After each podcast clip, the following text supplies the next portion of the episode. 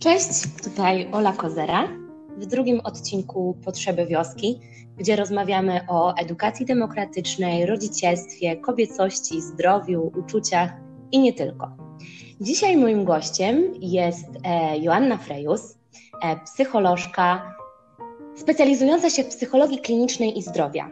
Matka, założycielka dwóch profili poświęconych zdrowiu psychicznemu. Dobrze jest nie rycz oraz O Matko Depresja aktywistka na rzecz praw kobiet, inicjatorka akcji Wspieram Nie Zawstydzam. Doświadczenie zdobywała w dziennym oddziale psychiatrycznym oraz oddziale onkologii klinicznej. Dziś koncentruje się na wspieraniu kobiet w okresie okołoporodowym oraz osób z doświadczeniem depresji i zaburzeń. Prywatnie mama swojego syna Kosmy. Cześć Asiu. Cześć Olu.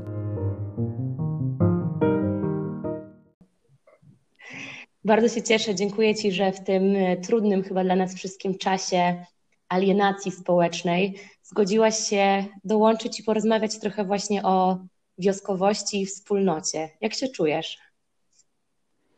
No, muszę powiedzieć, że y, ja się czuję y, całkiem nieźle i to chyba właśnie dzięki tej wspólnotowości, o której y, mówisz obserwuję, przynajmniej w swojej tak zwanej branży, bardzo duże poruszenie aktualną sytuacją i bardzo duże y, takie pospolite ruszenie.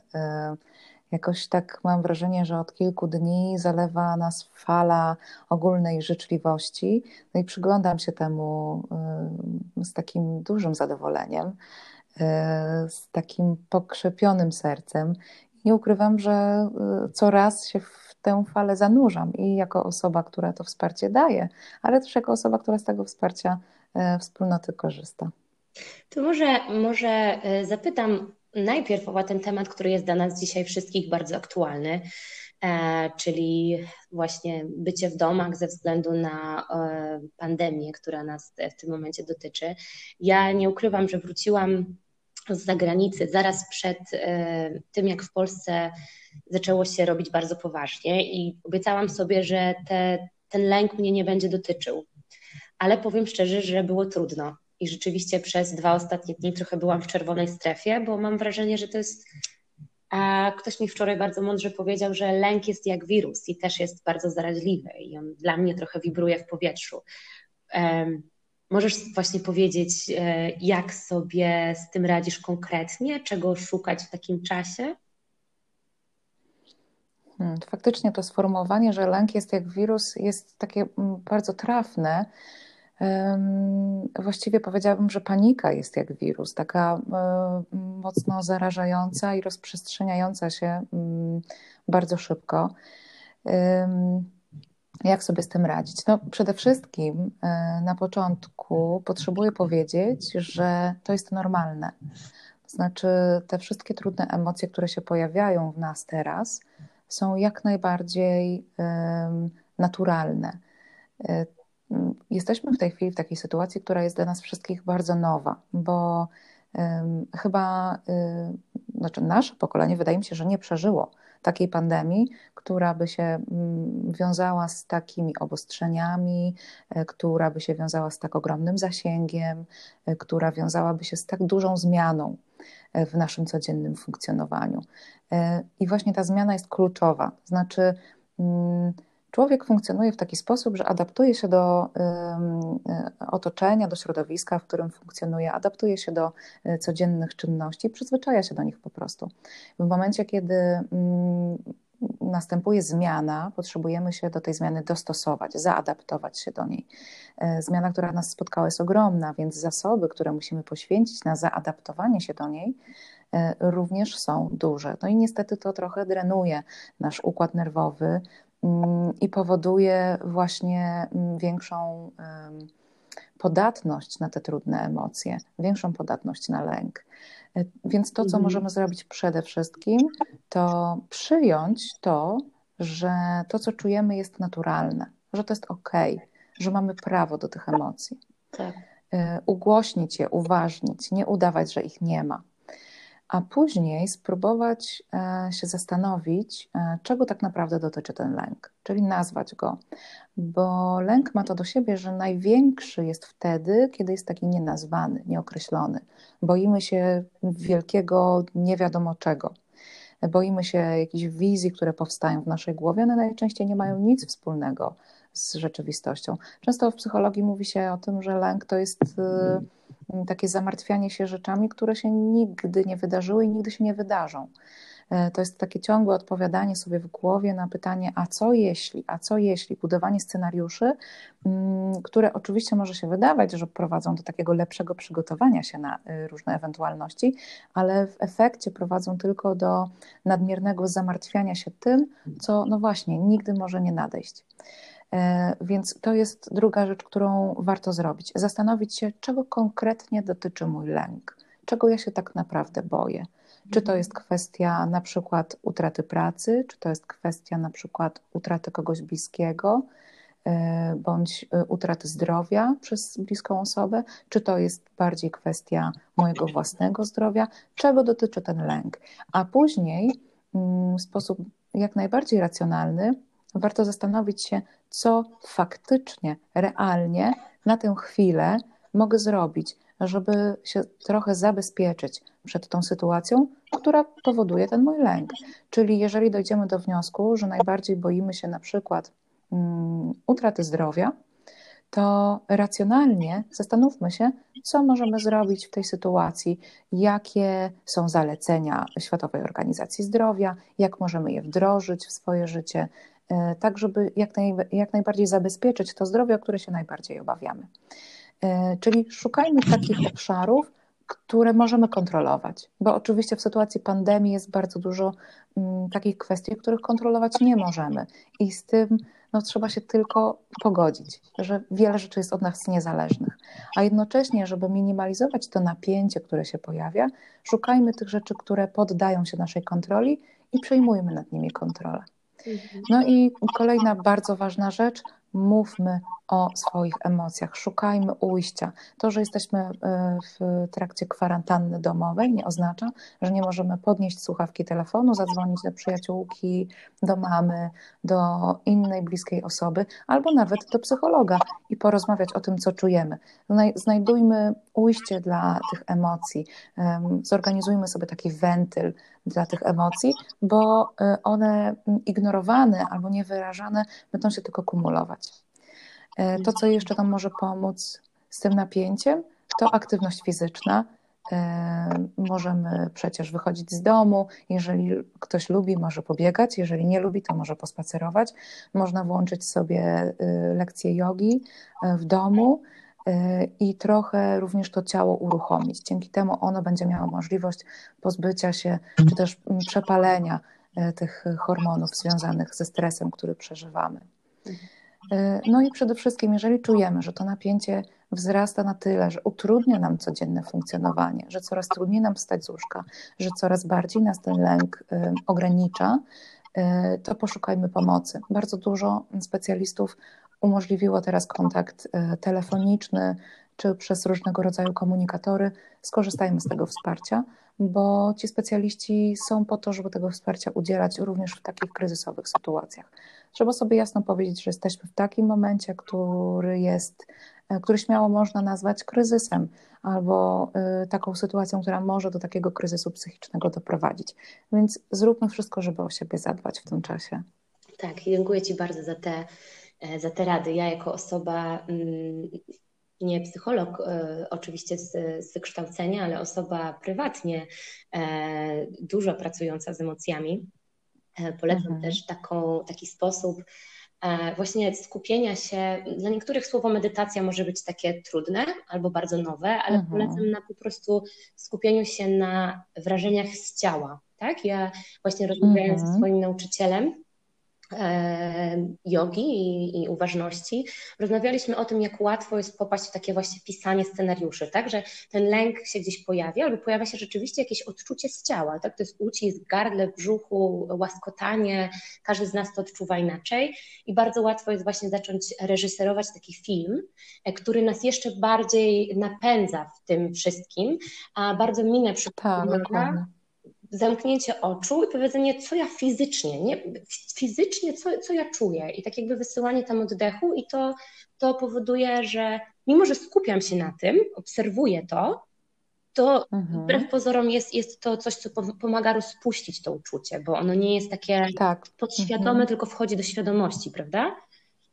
Tak, właśnie kluczowe jest to, że mm, warto zauważać te odczucia, a jednocześnie nie podążać za nimi w takim sensie budowania właśnie kolejnych e, lękowych scenariuszy, tylko traktować te odczucia z ciała, te emocje, które sobie uświadamiamy, jako takie obłoki, które przepływają przez niebo. Mhm. Czyli obserwujemy je, ale za nimi nie podążamy. Nie mamy potrzeby, żeby je złapać, żeby je gonić, nie mamy potrzeby, żeby jakoś się nadmiernie y, na nich skupiać, tylko po prostu zauważać i puszczać. I ja wiem, że to brzmi dosyć y, no, trudno na początku, ale mm, tak, no, ta praktyka, y, jeżeli damy sobie codziennie na to przestrzeń, to naprawdę w ciągu kilku dni powinno się to stać na tyle y, łatwe, że nawet powiedziałabym, że przyjemne.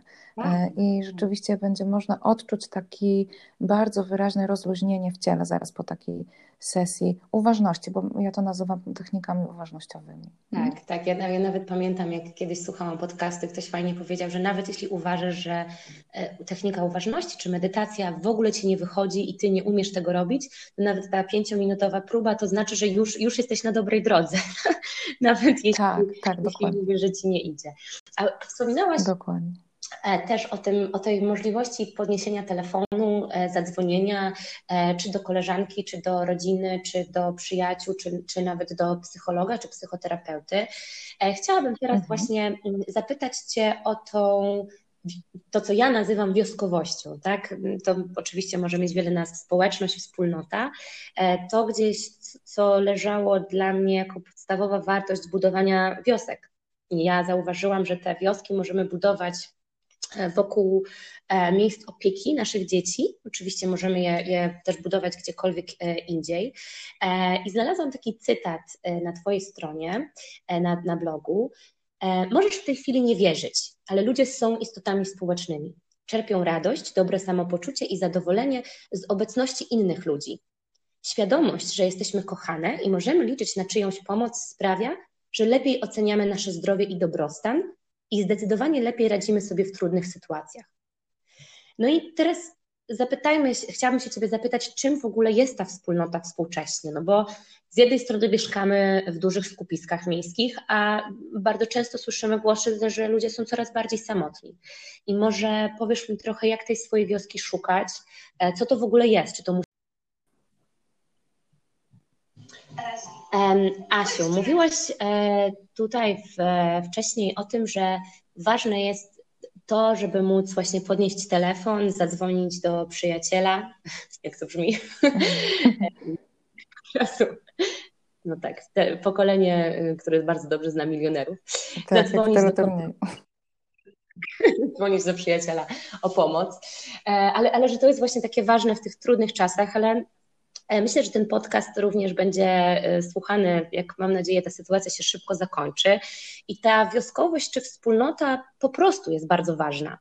E, I teraz znalazłam taki cytat na Twojej stronie. Możesz w tej chwili nie wierzyć, ale ludzie są istotami społecznymi. Czerpią radość, dobre samopoczucie i zadowolenie z obecności innych. Świadomość, że jesteśmy kochane i możemy liczyć na czyjąś pomoc, sprawia, że lepiej oceniamy nasze zdrowie i dobrostan i zdecydowanie lepiej radzimy sobie w trudnych sytuacjach. I teraz jest moje takie pytanie. Pierwsze, może e, dotyczące tego, dlaczego ta wioskowość, którą ja nazywam wioskowością, e, przez właśnie nazwę naszej organizacji, ale możemy ją nazywać bardzo różnorako. Dlaczego ona jest taka ważna? I to, co mnie interesuje, bo wiele się mówi o tym, e, że należy się tak jakby łączyć w grupy, ale wydaje mi się, że ostatnie lata to jest czas takiego rozkwitu właśnie na nowo kręgów kobiecych, na nowo, teraz już nawet y, mężczyźni też spotykają się w, takich, w, takich, e, w takiej formule jakichś spotkań dodatkowych. Jak ty tak społecznie to oceniasz? Jak to widzisz? To, to przejście od tych mhm. czasów, kiedy spotykaliśmy się kiedyś po prostu w domach, bo nie było tego internetu tak dużo e, i tych takich, e, wydaje mi się, rozpraszaczy e, naszych więzów społecznych, przez ten czas, kiedy zaczęliśmy być bardzo samotni w tych naszych dużych aglomeracjach i powrót do chyba szukania tej, tej społeczności na nowo. Jak ty to widzisz? Mm, przede wszystkim, tak jak mówisz, ta mm, wspólnotowość, wioskowość, e, czyli coś, co w psychologii nazywamy po prostu takim postrzeganym wsparciem społecznym, takim dostępnym realnie, e, jest bardzo ważnym czynnikiem i to jest, e, i to jakby nie jest domysł, tylko to jest fakt naukowy, jest bardzo ważnym czynnikiem, który pozwala nam pozostać w zdrowiu psychicznym. A jeżeli pozostajemy w zdrowiu psychicznym, to również ułatwia nam pozostanie w zdrowiu fizycznym. Więc właściwie, mm, tak jak sobie myślę, to bardzo trudno przecenić to, to poczucie wspólnotowości, to poczucie przynależności. To oczywiście jest bardzo głęboko zakorzenione w, y, w ogóle w tym, skąd pochodzi nasz ludzki gatunek. Y, to jest bardzo zakorzenione w tym, jak funkcjonowaliśmy kiedyś, jak praczłowiek funkcjonował, jak bardzo byliśmy uzależnieni od tego, czy funkcjonujemy w plemieniu, czy jesteśmy z tego plemienia w jakiś sposób wydzieleni. Kiedyś e, osoba, która była skazana na samotność, po prostu umierała, bo nie była w stanie sobie poradzić e, ze zdobywaniem pożywienia, z znalezieniem bezpiecznego miejsca, e, ginęła z głodu bądź ginęła przez ataki drapieżników i dlatego jest to tak bardzo silnie zakorzenione w nas. My to mamy po prostu w genach, że jesteśmy istotami społecznymi. Dlaczego się od tego, no, no, właśnie, powstaje pytanie, dlaczego w takim razie przez y, ostatnie dekady funkcjonowaliśmy w oddzieleniu? Wydaje mi się, że ma, to jest to bardzo mm, spójne z y, taką rewolucją w stronę mm, umysłu. Kilkadziesiąt lat temu zaczęła się taka era kognitywizmu, czyli takiej, e, takiego uwielbienia dla e, no właśnie mhm. umysłu, dla technologii, dla rozwoju tej technologii. Jakby po, położyliśmy największy nacisk na to, żeby e, być jak najbardziej mądrymi, ale nie taką mądrością y, ludową, czy właśnie mądrością y, płynącą z natury, tylko taką mądrością, którą my wygenerujemy jako ludzie za pomocą maszyn, za pomocą y, właśnie umysłu. Odłączyliśmy się z jednej strony od społeczności, no chyba, że były one w jakiś sposób utylitarne, czyli że miały służyć celowi temu y, budowania tej y, wiedzy technologicznej, na przykład specjalistycznej, odłączyliśmy się też, zauważ, od ciał. Y, ta epoka jakby uwielbienia dla pracy umysłu, a jakiegoś negatywnego podejścia dla pracy rąk, uwielbiania dla rozwoju wiedzy, a przy jednoczesnej ignorancji, dbałości o ciało. I to nie w kontekście dbałości o jego wygląd, tylko dbałości o jego dobre samopoczucie. E, to się wszystko bardzo mocno składa. I dlaczego teraz do tego wracamy? No, wydaje mi się, że po prostu po kilkudziesięciu latach mm, e, widzimy i bardzo mocno odczuwamy, że tak się po prostu nie da funkcjonować, że mm, e, kontakt przez komunikator to nie jest to samo, co kontakt nawet ciszy, ale z drugim człowiekiem obok, e, z możliwością spojrzenia w oczy, z możliwością zauważenia mimiki. Zaczęliśmy zauważać, że rozwój umysłu jest ok, ale on nam nie zabezpiecza wszystkich potrzeb, jakie mamy. I osoba, która jest bardzo rozwinięta intelektualnie i nawet dba o ten tak zwany rozwój osobisty, czyli mm, gdzieś rozwija swój potencjał, ale tylko w głowie, też y, nie jest osobą, która ten potencjał y, realizuje w całości, czyli y, to zwrócenie się ku ciału, ku naturze i ku wspólnotowości wynika z jednej strony z naszej natury, a z drugiej strony z tego, że po prostu zauważyliśmy, że inaczej się nie da. Więc no tylko ja się, ja się tylko bardzo cieszę z tego, że ten odwrót się dzieje, że, że, że zbliżamy się coraz bardziej do, do tych swoich gdzieś e, prapoczątków. Się wydaje, że nawet w kontekście ciała, to co jest ciekawe do zauważenia, że nawet ja pamiętam jeszcze te moje lata nastoletnie, wczes, wczesne lata dwudzieste, nie wiem jak się mówi, to, e, to ciało była wielka uwaga, ale w takim instrumentalnym sposobie patrzenia, mm -hmm. prawda, że to ciało ma służyć właśnie bardzo często seksualności, pięknemu wyglądowi i można je rzeczywiście tak. przycisnąć tak. w fitness klubie, z niego wycisnąć siódme poty, ale dopiero teraz, właściwie dla mnie mhm. to od czasu ciąży chyba, zaczynam mieć taki stosunek do ciała e, bardziej, że to jestem ja, i ono potrzebuje ukochania, potrzebuje mm -hmm. uważności mm -hmm. e, i, i nie, nie, już takie, dobra, za, zajeżdżę cię e, tak jak tylko mogę, bo to jest też super, tak? I nieważne jakie mam trudne emocje, z tym dam radę, takie spięcie, prawda? Tylko właśnie takie zwiększenie tak, naszego tak. stosunku do, do siebie samych. E... No tak, dokładnie. Czyli ciało, nagle mm, dochodzimy do wniosku, że ciało nie musi służyć jakiemuś celowi, że ciało po prostu jest i mało tego, to nie jest jakieś ciało, to jesteśmy my, to jesteśmy po prostu my. I wyłączanie y, tego ciała, czy uważności na ciało w momencie, kiedy robimy inne rzeczy z tym ciałem niezwiązane, prowadzi do takiego, no właśnie, do wzmożonego lęku, do utraty poczucia bezpieczeństwa. I to jest niestety na tę chwilę epidemia naszych czasów. Ja prowadzę badania naukowe właśnie na temat y, tego, jak aktualnie funkcjonujemy w relacji ze swoimi ciałami. I niestety, ale bardzo wyraźnie widać, że mm, to odłączenie od ciała bardzo nam nie służy, że tracimy takie podstawowe poczucie bezpieczeństwa i że tracimy możliwość kontaktu z własnymi emocjami.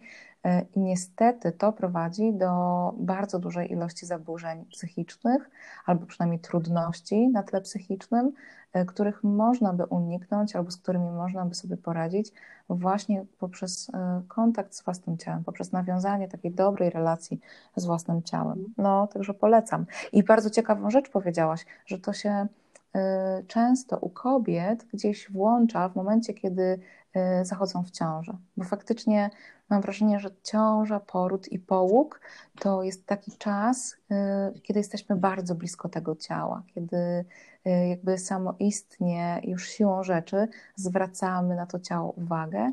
Y, I to jest bardzo często taki początek drogi właśnie y, relacji z własnym ciałem dla kobiety. Ale może też być mhm. inaczej, prawda? Ja pamiętam, że rzeczywiście ten moment ciąży był dla mnie fascynujący, tym bardziej, że fizycznie ją przeszłam mm, bardzo dobrze i gdzieś patrzyłam na to z wielkim mhm. podziwem, że no, no, było to dla mnie fascynujące takie dojście z powrotem do, do pierwotności mojego w ogóle bytu, że, że ja podlegam pewnemu kodowi genetycznemu i bez względu na moją mhm. wolę, to tak jakby to dziecko sobie we mnie rośnie. I, i ja tak jakby nie mam, nie mam wpływu na to, y, co tam się dzieje. Oczywiście możemy mieć wpływ, y, warunkując czynniki zewnętrzne, ale no jakiś, tak? Ale z drugiej strony to ciało nam się trochę wymyka spod kontroli, jeśli przy tym jesteśmy, tak? Nasze e, piersi, brzuch, biodra, e, później seksualność, wiele bardzo się zmienia, jeśli chodzi o okres ciąży No właśnie, ja bym tak, a ja chciałabym zwrócić uwagę na to, że faktycznie ta zmiana jest no, ogromna. Mhm. Ona jest w ogóle niedyskutowalna. To jest, to, to jest szereg zmian i to zmian na bardzo wielu poziomach.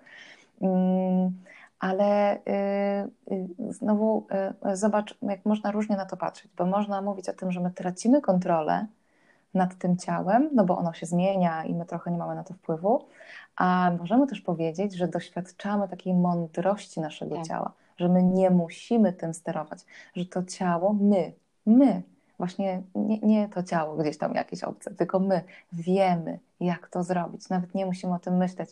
Ten proces jest tak zaprojektowany, że my po prostu w momencie zajścia w ciążę wracamy do tych korzeni, do tego, przez co przeszły miliardy kobiet na całym świecie i my przechodzimy przez to w dokładnie taki sam sposób. No oczywiście z jakimiś indywidualnymi różnicami, ale jednak u podstaw to jest ten sam proces budowania nowego życia i później wydawania go na świat. Czyli ciało w swojej mądrości jest piękne i możemy mu zaufać. To jest jakby trochę inaczej sformułowane. Nie? nie, że tracimy kontrolę, tylko że możemy oddać e, to e, zaufanie do siebie właśnie w tym czasie. I to bardzo często jest w ogóle pierwszy raz w życiu, kiedy oddajemy czy pokładamy to zaufanie we własnym ciele. A później w ogóle dochodzimy do porodu, w którym nie wiem, czy też miałaś takie doświadczenie, ale ja miałam takie doświadczenie i bardzo dużo kobiet, z którymi pracuję, również o tym, o tym wspomina, że jakby moment porodu to już jest w ogóle taki, taka sytuacja, w której gdzieś e, absolutnie pokładamy zaufanie w swoim ciele, że ono po prostu wie, co robi. I to jest jakoś, e, zauważ, bardzo często, nie mówię, że zawsze, ale jednak często jest to taka sytuacja poczucia ogromnej siły w samej sobie.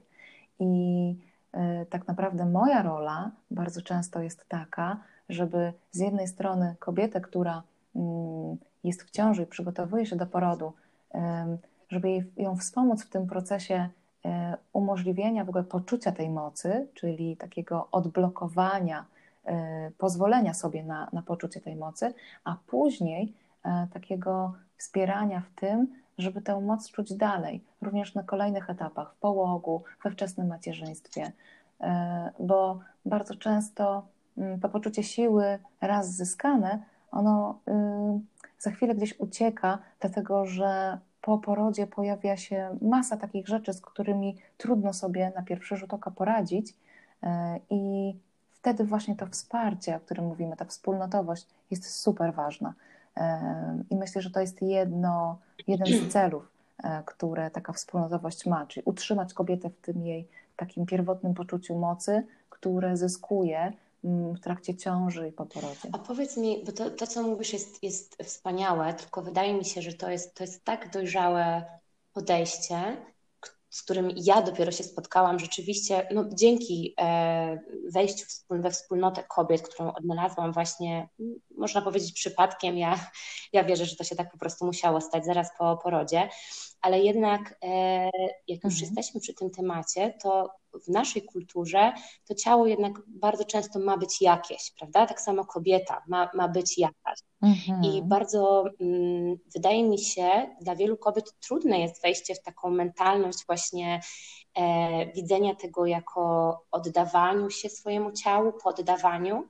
I powiedz może, jak pracujesz z kobietami, jak sobie radzić z tymi takimi trudnymi emocjami, które się czasami pojawiają, z właśnie zmianami, które następują, z tym, że mamy może mniej czasu, żeby zadbać o to swoje ciało, tak jak, tak jak to robiłyśmy wcześniej, e, przed porodem, żeby zobaczyć w tym porodzie po prostu, jak, jak mówiłaś, to ja już mam ciarki, ja bardzo dobrze wspominam swój poród mm-hmm. i rzeczywiście to jest mhm. wielka moc, no ale też wiemy, jak wygląda sytuacja w Polsce, bardzo często to moc kobiecie się odbiera, e, tak, jest, jest, jest mm-hmm. trudne doświadczenie, więc powiedz może, czy, czy ty miałaś taką ścieżkę, czy to jest proces e, pracy z kimś, kto może nam pomóc, czy może same możemy doprowadzić się do właśnie zmiany mentalności, myślenia o swoim macierzyństwie e, w kontekście, no teraz mówię, rozmawiamy o ciele, ale też emocji, że, no, że dzieje się coś, co jest dobre, co jest inne, może nie tak bardzo zgadza się z nurtami, jakie słyszymy o kobiecości czy o idealnym ciele w mediach, ale jak sobie, jak pomóc sobie po prostu zacząć myśleć tak, tak jak ty, jak teraz o tym mówisz? Wiesz co, to jest bardzo indywidualny proces. To znaczy, hmm, każda z nas e, znajduje się w trochę innym momencie swojego życia, ma trochę inne podejście, inne przekonania, ma inną historię. Mm, w momencie zajścia w ciążę, w momencie przygotowania się do porodu i później na początku swojej drogi jako mama. Y, więc też każda z nas będzie potrzebowała trochę innej pracy. Mhm. Jeżeli jest to, co na pewno mogę powiedzieć, to jeżeli jest tak, że mm, kobieta y, czy w ciąży, czy już po porodzie odczuwa mm, takie niepokojące y, objawy, czy pojawiają się takie sygnały, które dają jej do myślenia, że być może coś jest nie okay, to znaczy, że ma mm, problem, no nie wiem, żeby spojrzeć na siebie w lustrze, albo mm, właśnie ma jakiś taki szereg myśli, e, takich bardzo krytycznych wobec siebie, e, albo ma właśnie takie emocje, które się pojawiają i są dla niej trudne, to na pewno dobrze jest się skontaktować ze specjalistką, no najczęściej są kobiety, która mm, pracuje w obszarze wzmacniania mam. To często są psycholożki, które pracują właśnie tak jak ja z kobietami w okresie okołoporodowym. To często są psychoterapeutki, które jednocześnie też zajmują się leczeniem mm, różnego rodzaju zaburzeń mm, psychicznych. To są też dule, z którymi można rozmawiać. One też mają takie mm, y, umiejętności i kwalifikacje, żeby o różnego rodzaju emocjach i, i takich myślach, które pojawiają się w tym czasie, rozmawiać, więc na pewno warto taką indywidualną ścieżkę dla siebie znaleźć. To, co y, mi pomaga i to, co widzę, że pomaga też kobietom, z którymi pracuję, to jest taka praca nad wdzięcznością, nad wzbudzeniem wdzięczności w sobie do siebie, do swojego ciała. Takie mm, często bardzo małe kroki, które pozwalają zauważyć, jak dużo zrobiłyśmy, jak dużo z siebie dałyśmy, jak dużo swoich zasobów zainwestowałyśmy, że tak brzydko powiem, ale jak dużo nas to też w pewnym sensie kosztowało, jak bardzo byłyśmy w tym wszystkim dzielne, jak, y, jak bardzo dałyśmy radę, bez względu na to, czy te zdarzenia, które, y, których doświadczyłyśmy, miały cokolwiek wspólnego z jakimś takim ogólnym obrazem y, przedstawianym w mediach, w mediach społecznościowych, czy nawet w opowieściach innych kobiet. Czyli po pierwsze, pracujemy nad tym zauważeniem własnego wkładu, nad tym wzbudzeniem wdzięczności do samej siebie, do swojego ciała, do tego, co się dzieje, do tego, co robimy codziennie, dzień po dniu. Z drugiej strony pracujemy też nad taką y, normalizacją, nad takim urealnieniem tego, jak faktycznie wygląda macierzyństwo. Bo często największe problemy, takie emocjonalne, y, i, mm, i też właśnie z akceptacją własnego ciała, mają osoby, które bardzo przywiązały się do jakiejś wizji tego, jak wygląda ciąża, poród i macierzyństwo, i później niestety w tym codziennym, tak zwanym dalszym życiu yy, widzą, że to wygląda u nich inaczej. I yy, mają takie poczucie, że ten rozdźwięk to jest dowód na to, że one sobie z czymś nie radzą podczas gdy prawda jest zupełnie inna i macierzyństwo wcale nie wygląda tak jak na kolorowych zdjęciach na Instagramie, tylko jest to y, zupełnie innego rodzaju przygoda i podróż. I y, w związku z tym ta praca nad tymi przekonaniami, żeby je urealniać, też jest bardzo ważna w tym procesie odnajdywania siebie i takiego spokojnego, mhm. Czułego podejścia do mhm. siebie i do swojego ciała i do swojego macierzyństwa. A możesz mhm. powiedzieć e, naszym słuchaczom i słuchaczkom, ja też jestem bardzo ciekawa, konkretnie z jakimi emocjami możemy się spotkać, tak jakby e, to, co na pewno dla mnie byłoby komfortowe, mm, szukając tego komfortu, to takie usłyszenie, że właśnie to, co czuję, to, co mogę czuć e, w tej ogromnej zmianie, jaka się zadziała w moim życiu, E, jest normalne i że mogę sobie na to pozwolić. E, tylko jeszcze dodam, że mhm. bardzo miło mi się słyszy i podoba mi się to, tak miło mi się tego słucha, jak mówisz o tej wdzięczności, e, bo ja pamiętam, że wielokrotnie jako mama małego dziecka, nadal mam dwuletnie dziecko, ale chyba ten pierwszy rok był dla mnie dużo bardziej wymagający, zastanawiałam się, jak to jest, że na każdej ulicy i na każdym placu nie stoi pomnik matki. Że, po prostu jest to tak duży wysiłek i tak po prostu tak ogromna zmiana, którą jeszcze musimy, przynajmniej ja czułam, nie wiem, każda z nas pewnie ma inaczej, jest na innym etapie swojego rozwoju, ale ja czułam tą presję, że muszę pokazywać tylko tą wspaniałą e, część tego doświadczenia, mm -hmm, taką mhm. fajną, mm -hmm. no, że mam zdrowe, wspaniałe, cudowne dziecko i trochę. Którą śpi, y, przesypia całe noce, je wszystko, co dostanie do jedzenia, a, a ciebie nie bolą piersi. Tak. Już nawet gdyby ono nie spało, to i tak mi się wydaje, że społeczeństwo by ode mnie oczekiwało, że no tak jakby taka twoja rola, tak? No jesteś matką. I mm -hmm. oczywiście tutaj tak, tak. wielkie, tak. Y, nie chcę. Y, tatusiów, którzy nas słuchają, ojców jakoś z tego obrazka wyciągnąć, ale jednak no, czasami musimy stawić czoła rzeczywistości, że to jednak 99% kobiet idzie na macierzyński i ten pierwszy rok spędza z dzieckiem. Mhm. E, i, i, I rzeczywiście uznaje się takie normalne, tak? No, kobieta równa się matka, twoja rola po prostu dacyt.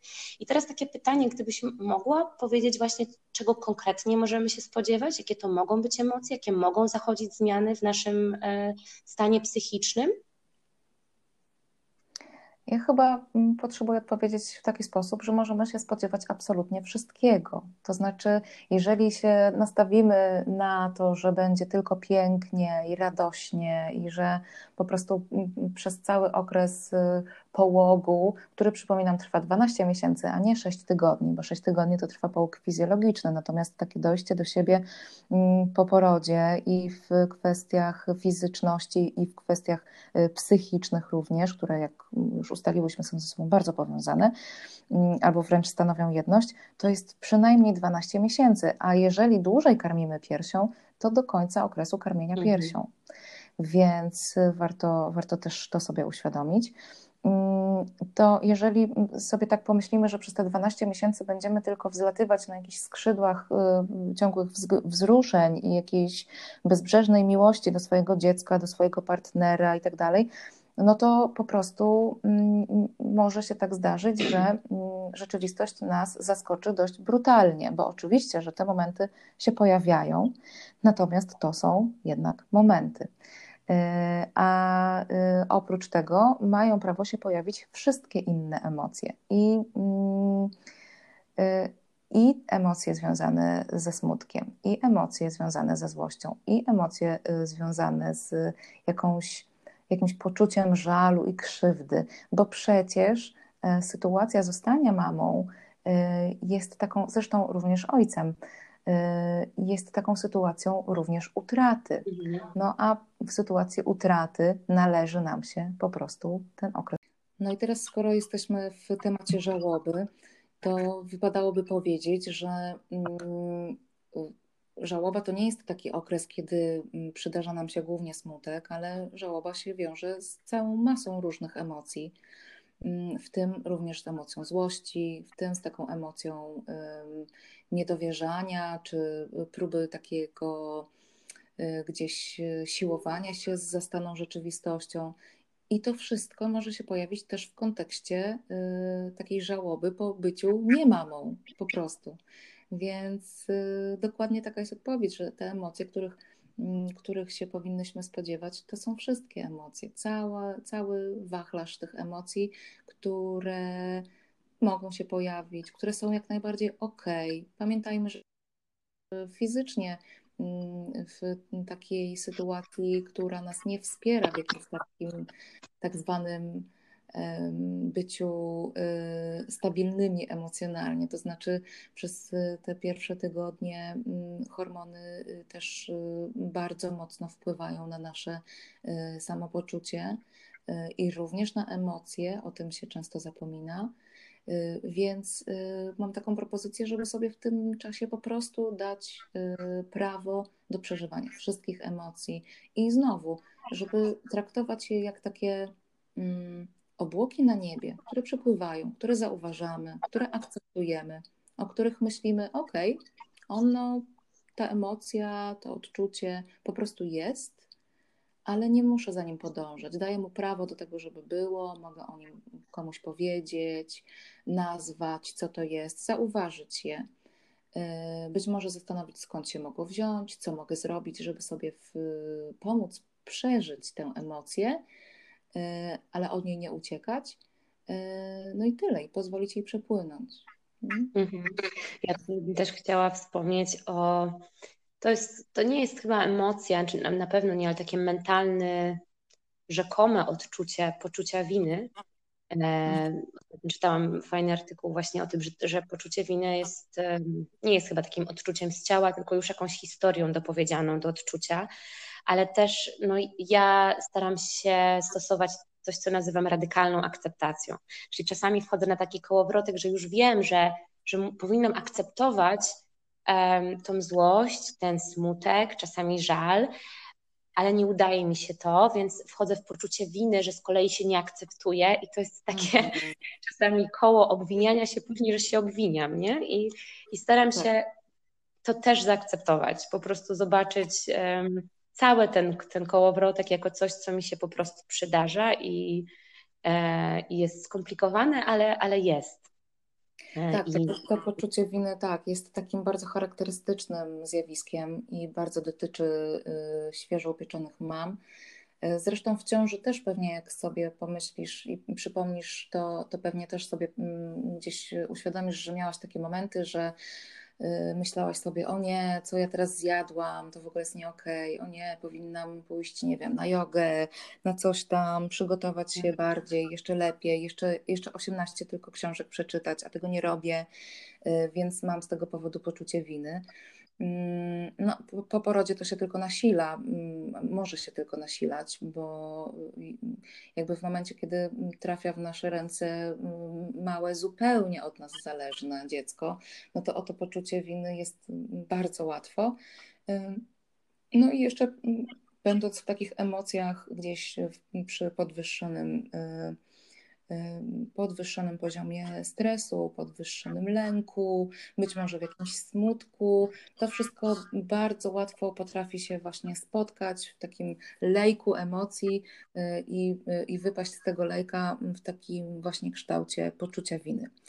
Y, no, pięknie to powiedziałaś, że, że taka radykalna akceptacja może być na to lekarstwem, czyli znowu zauważenie tego, że to, co teraz czuję, to jest poczucie winy nazwanie tego i zaakceptowanie tego faktu, że ja nie ze wszystkim y, muszę i mogę sobie dać radę, że mm, również jako mama, albo przede wszystkim jako mama y, czy tata, mogę popełniać błędy i że nie jest możliwe, żeby tych błędów nie popełniać i nie jest możliwe, żeby mm, być w najlepszym y, stanie emocjonalnym przez cały czas. Nie jest możliwe, żeby te wszystkie książki przeczytać, bo teraz nagle y, musimy się dostosować do tej ogromnej zmiany, która nastąpiła. Mm, I chyba tylko takie czułe podejście do siebie może nas z tego poczucia winy wyrwać. To znaczy, czułe podejście do siebie, czyli właśnie dawanie sobie prawa do tych wszystkich błędów, dawanie sobie prawa do tych wszystkich trudnych emocji e, i nie stawianie sobie bardzo wysoko poprzeczki, e, nie mhm. czytanie tych wszystkich wspaniałych artykułów i postów, które nas informują, jakie mamy być, e, bo jeżeli będziemy inne, to, to jest nie okej okay i staje się przyczyną poczucia winy. Nie, po prostu jakieś też zaufanie do siebie, do tego, jakimi mamami chcemy być, jakimi mamami potrafimy być w danym momencie y, i bardziej obserwowanie tego procesu, traktowanie jakichś ewentualnych potknięć jako y, takiej sytuacji nauki, a nie sytuacji odniesienia porażki. No i dzięki temu być może um, uda nam się nie wpędzić w to poczucie winy. No a jak już się to wydarzy, no to postarajmy się zaakceptować to, że jest nam po prostu przykro z powodu jakiegoś zdarzenia, um, ale nie ciosajmy sobie kołków na głowie. Ja to często powtarzam na swoich profilach. Nie ciosajmy sobie kołków na głowie powodu tego, że jest tak, jak jest. No po prostu rzeczy się wydarzają, nie wszystko jest idealnie. Od nikogo na świecie, od nikogo, od żadnego innego zawodu, y, od żadnej innej pozycji y, nie wymaga się bycia perfekcyjnym czy perfekcyjną, więc zupełnie niezrozumiałe jest to wymaganie bycia perfekcyjną matką. Tak, ja też tylko mam taką, taki apel o to, że jeżeli nie, jeszcze nie jesteśmy czułe albo jeszcze nie potrafimy się kochać tak, jakbyśmy chciały, bo ja jestem jedną z tych bardzo ambitnych kobiet i jak ktoś mi mówi kochaj się, bądź do siebie czuła, to chciałabym po prostu już być tak miłująca na 100%, że, że, że czasami jestem zła na siebie, że nie potrafię się kochać i to jest właśnie też chyba klucz do tego, że, że, jest, że to jest proces, nie? Jest takie zaufanie do mhm. procesu, że tak że to się wydarzy, ale, ale, ale może jutro, może, może za rok. Um, no. Tak, powolutku, też... powolutku, naprawdę nic w y, takim dbaniu o siebie, w rozwoju, nic w psychoterapii nie dzieje się y, natychmiast, z dnia na dzień. Pamiętajmy, że funkcjonujemy w takich schematach, które wykształciłyśmy przez no, naprawdę kilkadziesiąt lat i bardzo trudno jest z nich wyjść w trakcie jednego, jednej sesji, jednego spotkania. To jest proces, który musi i powinien trwać. Jeżeli ktoś po jednym spotkaniu z terapeutką y, twierdzi, że już jest zupełnie odmieniony i, y, i uwolniony od wszystkich swoich trosk i schematów, to, to obawiam się, że to jest mm, taka pomyłka, że to, co czuje, to jest ulga bo być może mm, ten kontakt jest taki dobry i, i, i, bardzo wspierający, ale do takiej e, permanentnej, e, trwałej zmiany to jest jeszcze jednak chwila i warto po prostu poświęcić na to czas, warto poświęcić na to jakieś mhm. swoje zasoby, mm, jakąś swoją energię i czas, żeby do tej zmiany takiej trwałej y, faktycznie doprowadzić. Ale y, z taką uważnością, że to jest faktycznie, tak jak mówisz, proces i nie ma co sobie znowu ciosać kołków na głowie, że coś tam się nie dzieje natychmiast, bo to nie ma prawa się wydarzyć natychmiast. Po prostu to jest zbyt głęboki schemat w naszej głowie, do którego trzeba się dokopać, trzeba sprawdzić, o co tam tak naprawdę chodzi i dopasować jakąś metodę działania, mm, żeby, żeby z tego schematu najpierw wychylić głowę, a nie, najpierw wychylić tak czubek głowy, potem wychylić może jedno mhm. oko, potem głowę, a potem y, dalsze części naszego ciała. Mm, dajmy sobie na to czas też. Jak o tym mówisz, to mm, o tej czułości, to od razu przychodzi mi e, do głowy e, grupa, którą stworzyłaś, grupa wsparcia Czułe Wojowniczki. E, mhm. I chciałabym o to zapytać. Chciałabym zapytać, kim jest Czuła Wojowniczka i dlaczego? Dla mnie to, jak czytam o tym, to jest to, przynajmniej jak ja to odbieram, o jakiejś relacji z własną kobiecością. I dla mnie ten czas myślę, że już po porodzie e, i właśnie poprzez dołączenie do, do takiego kręgu kobiet, e, z którymi jestem już dwa lata, to jest proces e, właśnie akceptacji swojej kobiecości, taką, jaką ją czuję, taką, jaką ją czuję w ciele. Mhm. I jestem mm, od, myślę, czasów studiów zagorzałą feministką. I dla mnie ten, interpretowałam na początku ten feminizm również jako mm, kobieta budująca biznes jako taki właśnie odejście od tej emocjonalności i wejście w twardą część mojego charakteru, w taką połączenie się z tą mocą, e, bycie taką wojowniczką, ale chyba zapomniałam o tym aspekcie czułości, który zawsze był mi bliski. E, mhm. gdzieś, gdzieś w środku. Czułam tą wrażliwość, którą chyba zakopałam przez kilka lat i od, i od dwóch lat powoli ją e, odkopuję, daję sobie prawo do czułości, do słabości.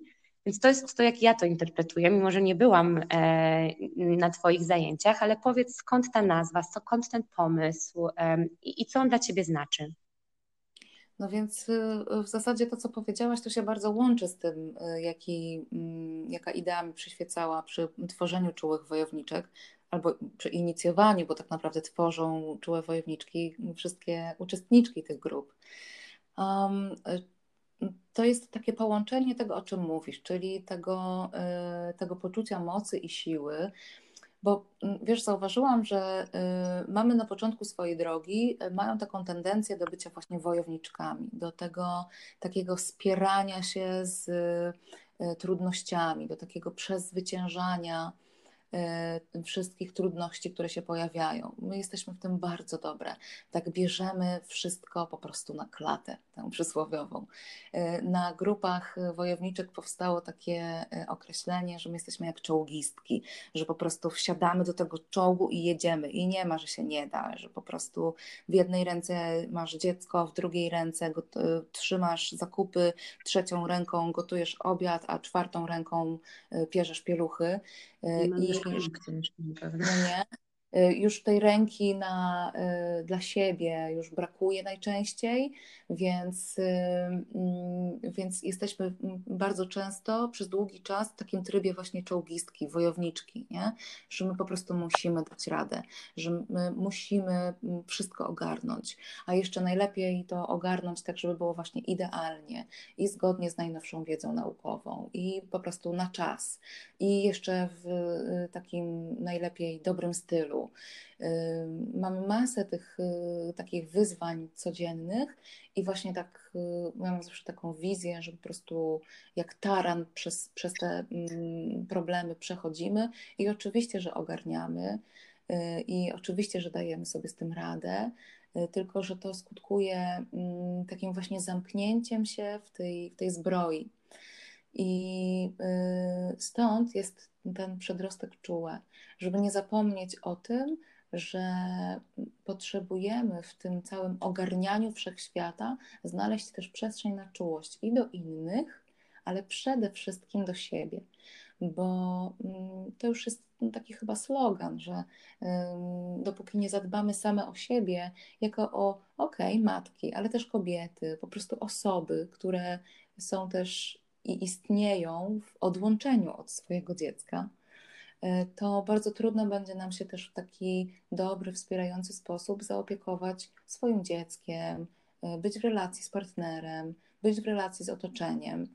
E, więc ta czułość jest taką ideą, która przyświeca w większości moich działań, a czułe wojowniczki są po to, żeby właśnie wspierać kobiety w tym odnajdywaniu też przestrzeni na zadbanie o siebie, na zauważenie siebie w ogóle w całym tym procesie ogarniania wszechświata na początku macierzyństwa i w ciąży również, bo spotkania czułych wojowniczek są też dla kobiet w ciąży.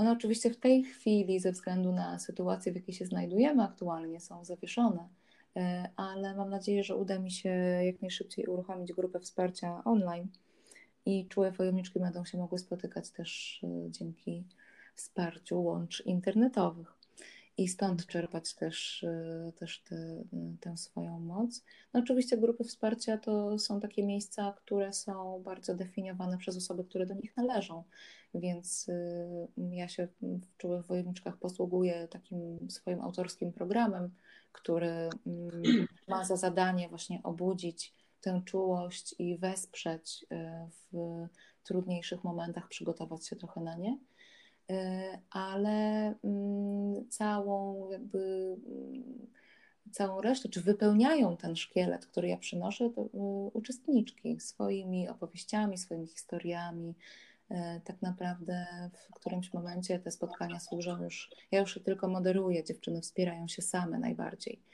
Więc y, no, to jest taka w moim działaniu bardzo namacalna, y,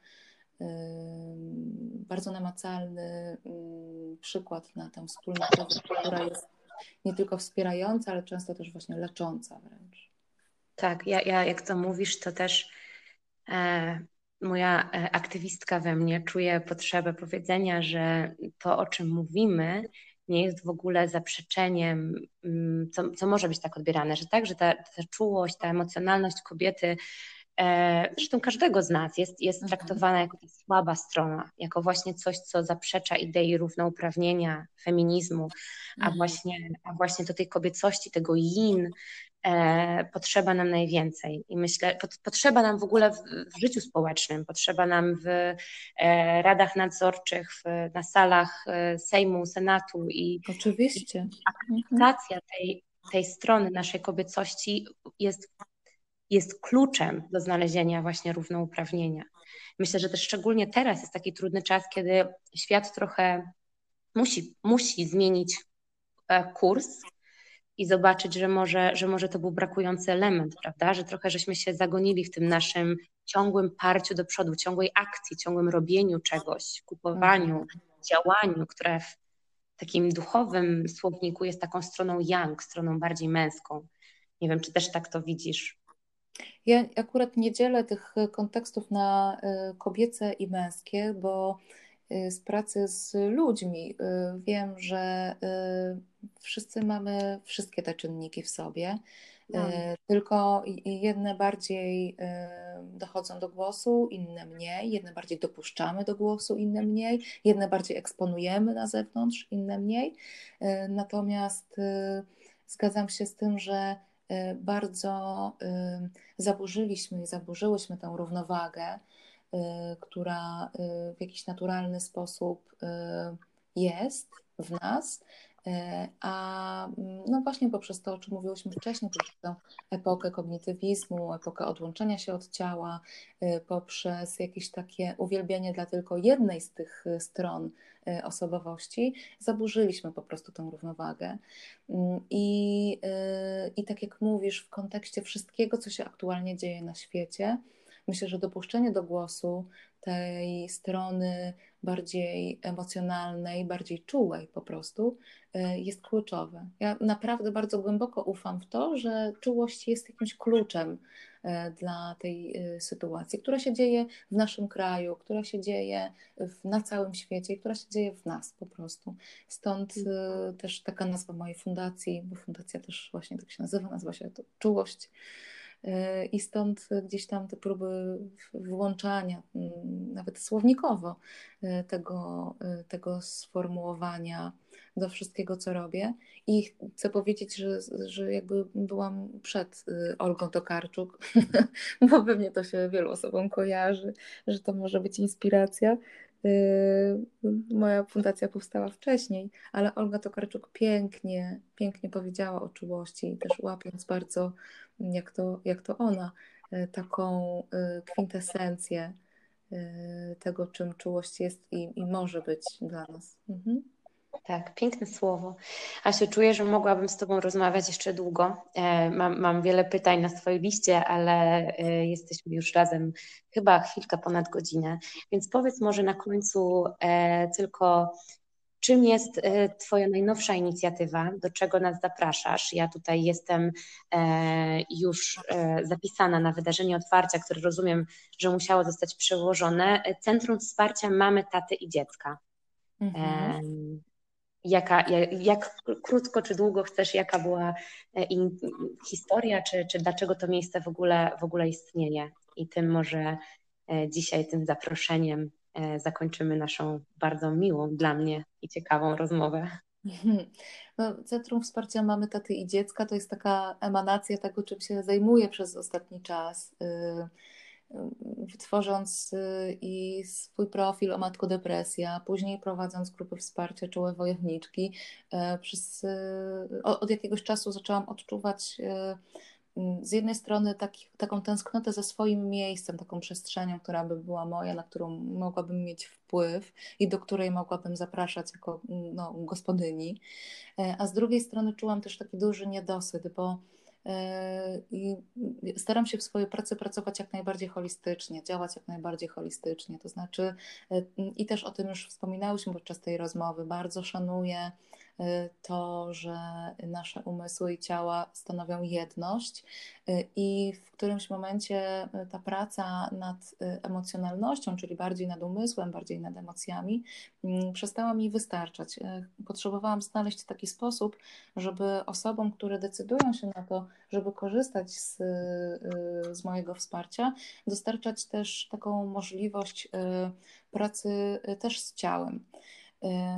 Więc to jest taka jedna przesłanka. Drugą przesłanką było też to, że jako psycholożka zdaję sobie sprawę z tego, że praca tylko, znaczy oczywiście w pewnym sensie aż, ale jednak tylko nad jedną stroną tej diady, jaką stanowi mm, relacja mamy i dziecka, czyli tylko z mamami, jest niewystarczająca, że y, to jest tak bardzo specjalne połączenie, tak bardzo wyjątkowa więź, że w momencie, kiedy jest coś nie tak z mamą, to oczywiście bardzo rzutuje na dziecko, więc mm, mm, mama wymaga wsparcia i trzeba jej tego wsparcia udzielać, ale jednocześnie działa to w drugą stronę. Kiedy z dzieckiem są jakieś trudności, kiedy dziecko ma jakieś trudności, to również y, potrzeba y, tego wsparcia jest ogromna, bo jeżeli to się nie wydarzy, to oczywiście samo dziecko będzie niezaopiekowane, ale również jego mama nie będzie mogła funkcjonować w pełnym dobrostanie. I dlatego właśnie powstaje nadal mm, Centrum Wsparcia Mamy, Taty i Dziecka, mm, które będzie miało za zadanie zaopiekować się rodziną jako całością.